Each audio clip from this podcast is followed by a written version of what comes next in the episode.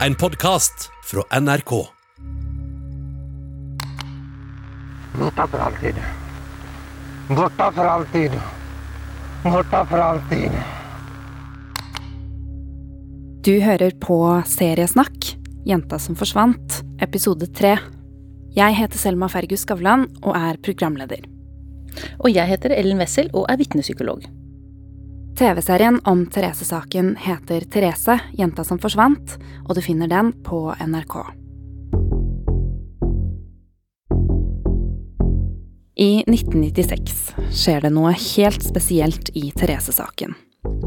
Åtte år etter at Therese forsvinner fra Fjell i Drammen, hevder den svenske psykiatriske pasienten Sture Bergwall, bedre kjent som Thomas Quick, at han har tatt livet av Therese. Han hevder å ha drept gutter, menn, kvinner og jenter, med ulike metoder og i forskjellige land. Sju av de angivelige drapene var av norske savnede og drepte. Selv sier han at han ikke husket noe som helst, og ikke engang visste om drapene før han under psykoterapi fikk vite at han hadde fortrengt minnene om å ha drept. Men går det egentlig an å fortrenge å ha drept 39 mennesker? Dette er episode tre om fortrengte minner.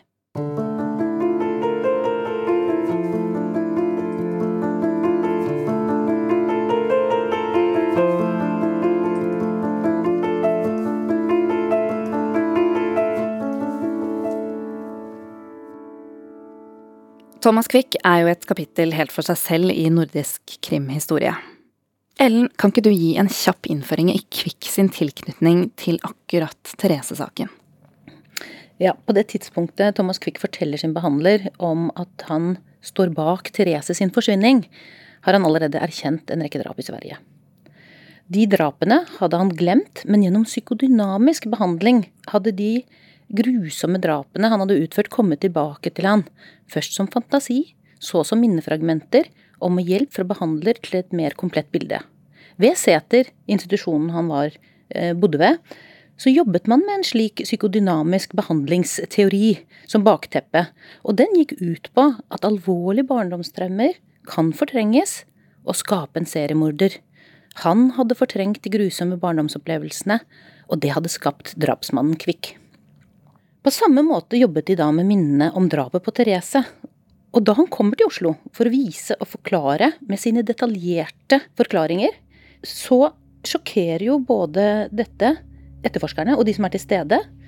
Og han overbeviser både med detaljene, men måten han opptrer på. Han får jo kraftige reaksjoner, med knurring og raseri. Og på et eller annet vis så gjør dette han enda mer troverdig. Han er sint og gal og oppleves jo og ser ut som en seriemorder. Din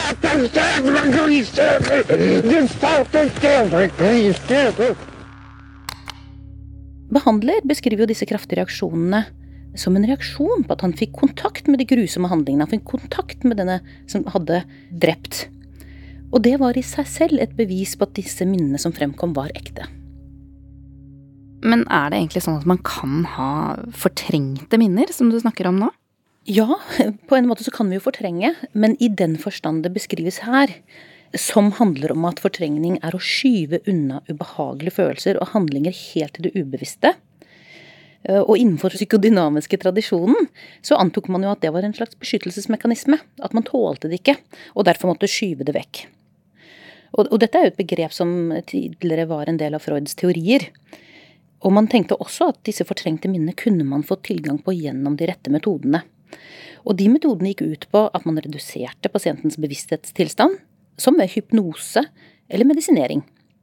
Og at de bildene og fragmentene som kom frem, de kunne man jobbe videre med ved å visualisere, og så danne disse narrativene eller historiene. I dag så betviler man jo denne forståelsen av fortrengning. At det blir helt borte, for så å kunne hentes tilbake. Man opererer mer med at er noe glemt, så er det glemt. Og vi finner rett og slett ikke forskningsmessig dekning for at hjernen fungerer på den måten.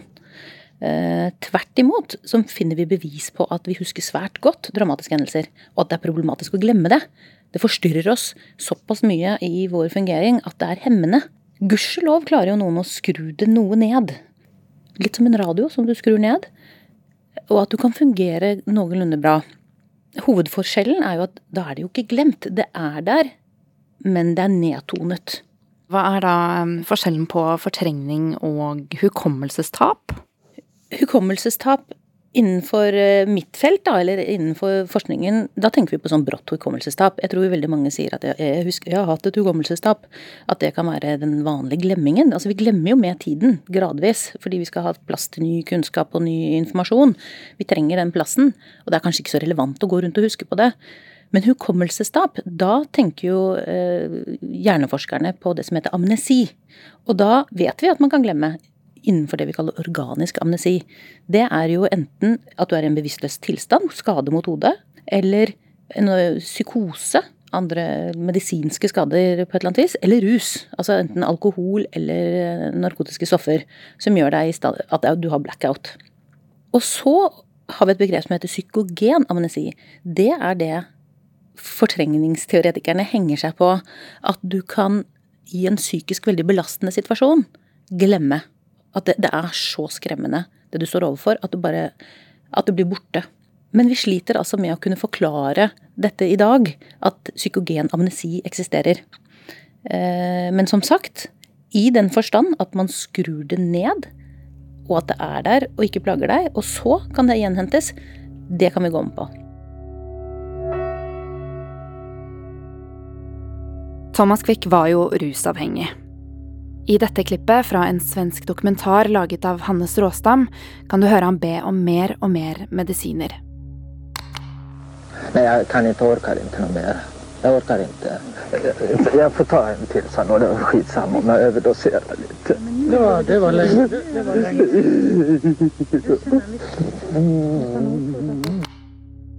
Kan han ha gjort alt dette her i en rus, og så glemt bort å ha drept fordi han var rusa?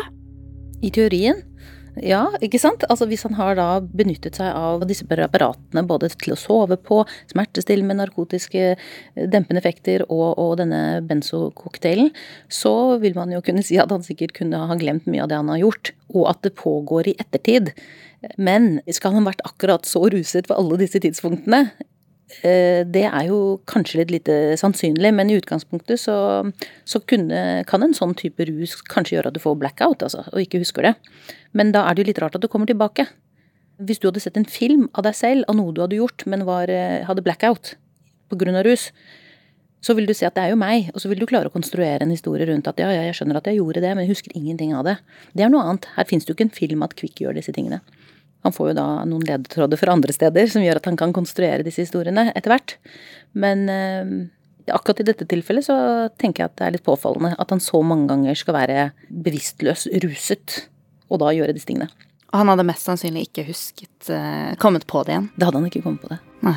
Borte er borte.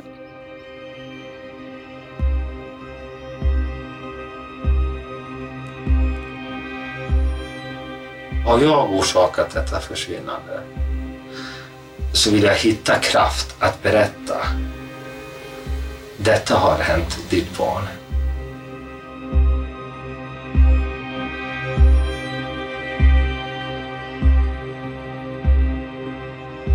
Thomas Quick ble dømt for åtte drap. Hvordan kunne det skje?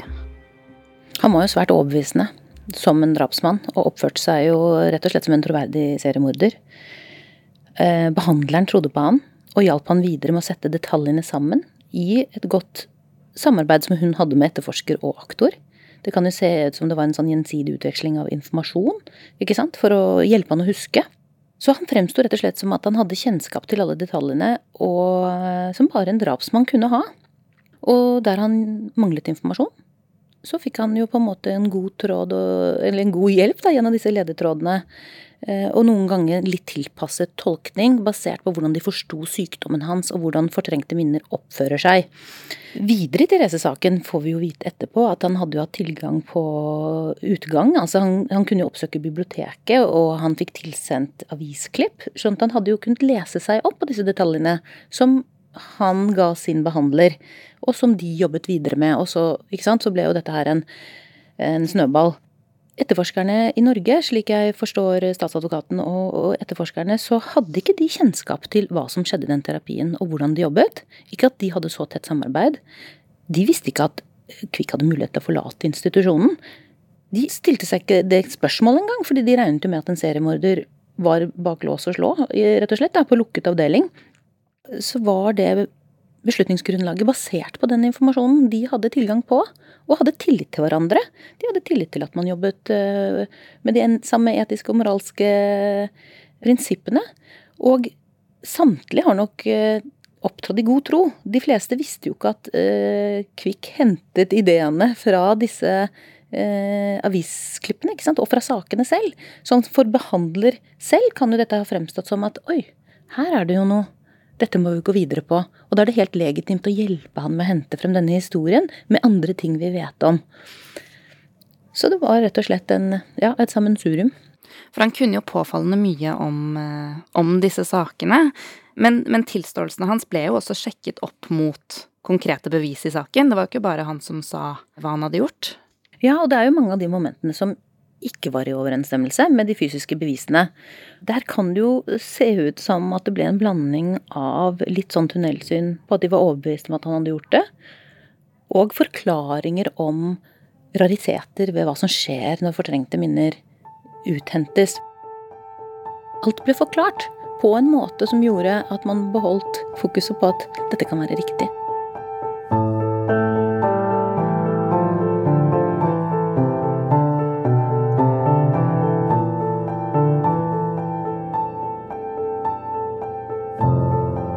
Slik jeg har forstått det, så kan man ikke bare fortrenge traumatiske minner sånn at de blir helt glemt, for så å plutselig komme på dem en dag mange år senere. Men så vet vi jo at det finnes flere eksempler på tilfeller der ofre har kommet på at de har blitt utsatt for eh, overgrep da de var små, først mange år etter at det skal ha skjedd. Hvordan kan man forklare det? Man kan forklare det ved at de trolig ikke har kommet på det men de har fortalt om det først senere. Og når man spør de barna som beviselig har vært utsatt for overgrep, hvorfor ventet du så lenge med å forklare det, så sier de at uh, jeg følte skam, jeg følte skyld for det som skjedde. Jeg var redd hva som ville skje med overgriperen om jeg fortalte det, eller jeg var redd for overgriper, han hadde kanskje kommet med trusler. Og for noen så forsto de ikke at det var overgrep før de ble eldre, og skjønte at sånt skal jo ikke en onkel eh, gjøre. Dette er overgrep. Men er det da en garanti for at det har skjedd? Eller kan man huske ting som, som ikke har skjedd? Ja, og da beveger du deg over til det vi kaller falske minner.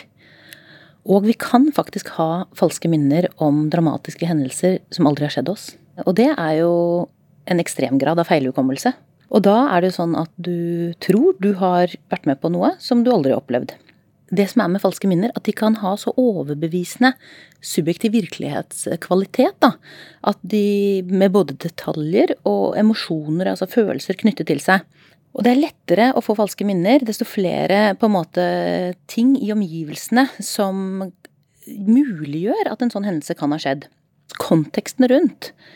Sted, hytta, hvordan det lukter der, hvordan det er der du vet hvordan man har sex.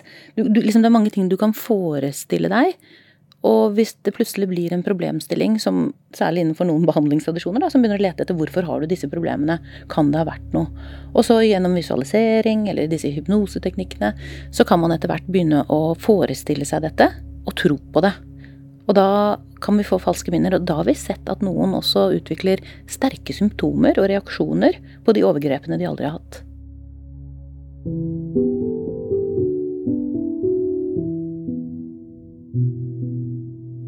Och så vill jag för min egen frids skull säga som det är. Ja, hur är det då?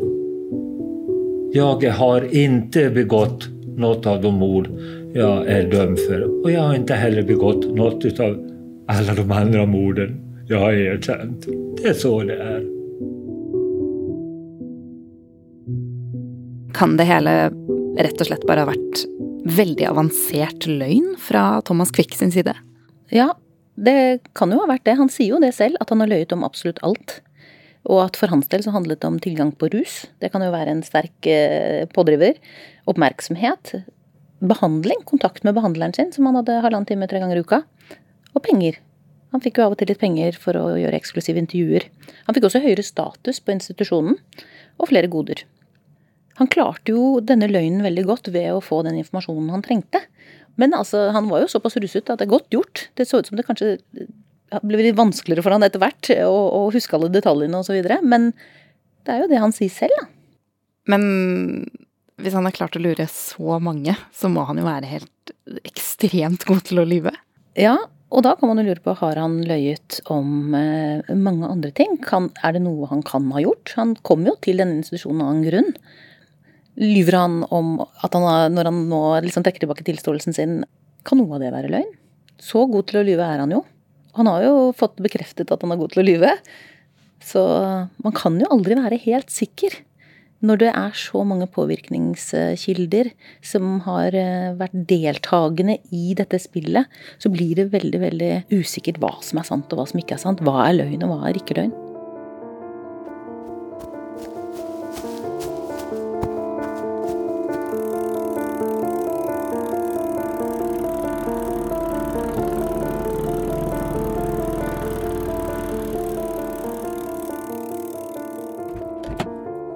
Så for å konkludere så er det vanskelig å fortrenge minner helt, for at de så plutselig skal komme tilbake igjen. Problemet er jo at man ikke glemmer. For noen demper de seg gudskjelov litt, slik at de ikke blir så veldig plagsomme i den daglige fungeringen. Men helt borte, for så å dukke opp igjen? Nei. De kan bli borte, helt, men da er det som regel en organisk amnesi, altså et hukommelsestap, som er årsaken. Med da en fysisk skade, eller alkohol, eller rus, eller tap av bevissthet. Men hvorfor er det da så mange som fortsatt tror at fortrengte minner plutselig kan dukke opp til overflaten igjen? Jeg tror vi er veldig eksponert for ideen, både gjennom litteraturen, kjente eh, bøker, filmer, TV. Og det er jo litt spennende i seg selv, ikke sant?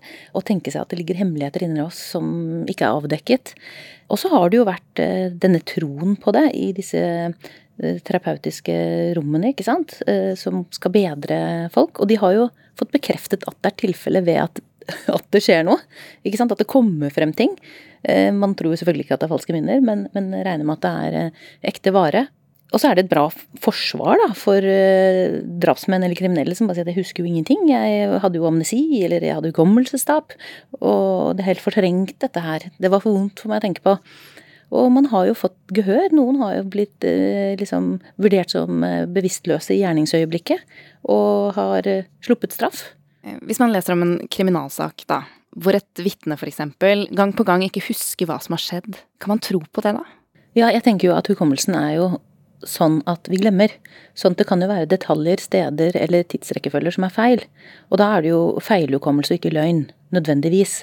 Men hvis det er de dramatiske hendelsene, det mest alvorlige og dramatiske i situasjonen, som ikke huskes, så er jo det rart.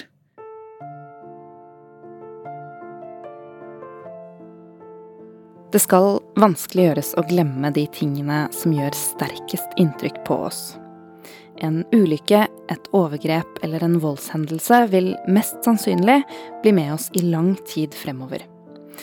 Likevel er det betryggende for oss at minner stort sett falmer over tid. I neste episode skal vi inn i etterforskerens hode og se på hva som skjer når ett spor følges og andre ignoreres. Kan man la seg lure av sitt eget hode? Er tunnelsyn egentlig noe man kan unngå? Og hva skjer når ekspertene skal forklare seg om det de har funnet ut? Er de egentlig så pålitelige som vi tror?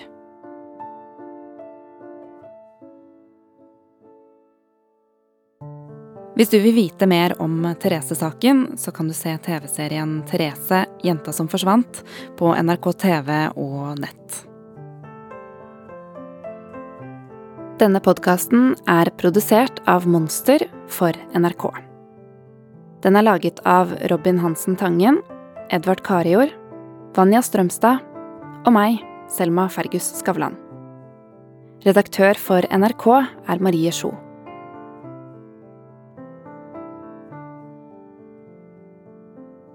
Du har hørt en podkast fra NRK. Hør flere podkaster og din favorittkanal i appen NRK Radio.